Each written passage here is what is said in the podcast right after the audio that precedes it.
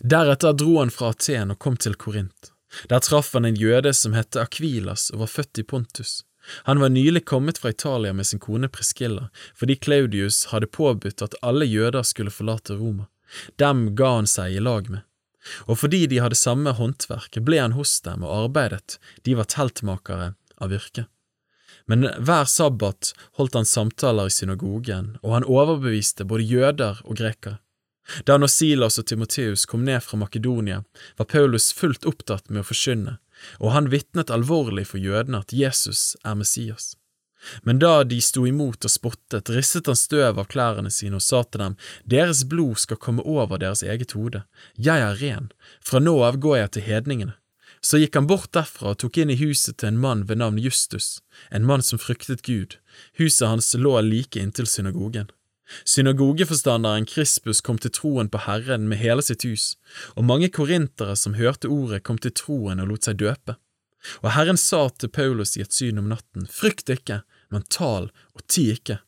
For jeg er med deg, og ingen skal røre deg eller gjøre deg noe ondt, for jeg er mye folk i denne byen. Så ga han seg til der i ett år og seks måneder, og lærte Guds ord blant dem. Men da Gallio var landshøvding i Akaya, slo jødene seg sammen mot Paulus. De førte ham for domstol og sa, denne mannen overtaler folk til å dyrke Gud på en måte som er i strid med loven. Nettopp som Paulus var i ferd med å åpne munnen, sa Gallio til jødene, hadde det vært tale om en forbrytelse eller stygg ugjerning, dere jøder, da hadde jeg hatt god grunn til å høre tålmodig på dere. Men er det spørsmål om en lære og om et navn og om en lov som gjelder hos dere, da får det bli deres egen sak. Dommer i disse tingene vil jeg ikke være. Og han viste dem bort fra domstolen. Der tok alle fatt på synagogeforstanderen Sostenes og slo ham like foran domstolen, men Gallio brydde seg ikke noe om det. Paulus ble der ennå en lang tid. Så tok han avskjed med brødrene og seilte av sted til Syria, sammen med Preskilla og Akvilas. I Kenkrea klippet han håret, for han hadde et løfte på seg. Så kom de til Efesus. Der lot Paulus de andre bli igjen, men selv gikk han inn i synagogen og ga seg i samtale med jødene. Da de ba ham bli der lenger, samtykte han ikke, men tok avskjed med dem og sa, Om Gud vil, skal jeg komme tilbake til dere. Så seilte han til Efesus. Da han kom til Cesarea, gikk han opp og hilste på menigheten, så dro han til Antiokia. Da han hadde vært der en tid, reiste han ut igjen.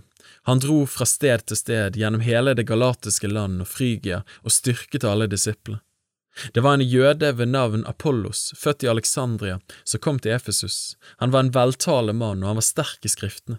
Han var opplært i Herrens vei.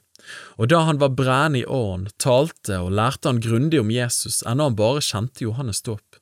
Han begynte å tale frimodig i synagogen. Da Preskilla og Kvilas hadde hørt ham, ba de ham til seg og la Guds vei nøyere ut for ham. Da han nå ville dra videre til Akaya, oppmuntret brødrene ham til dette. De skrev til disiplene der om å ta vel imot han, og da han kom dit, ble han ved Guds nåde til stor hjelp for de troende, for med kraft gjendrev han jødene offentlig idet han viste av Skriftene at Jesus er Messias.